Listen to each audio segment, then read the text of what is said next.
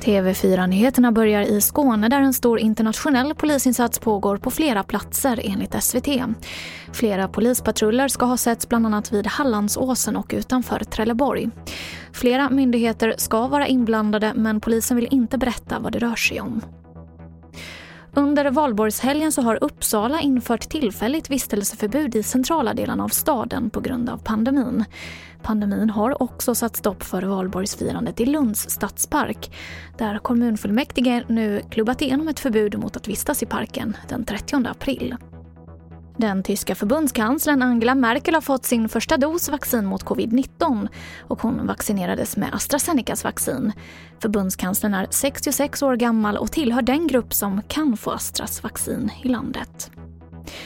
Och jag avslutar med att berätta att drygt 10 000 hushåll i västra Göteborg drabbades i eftermiddags av ett strömavbrott och även spårvagnstrafiken påverkades enligt Göteborgs-Posten.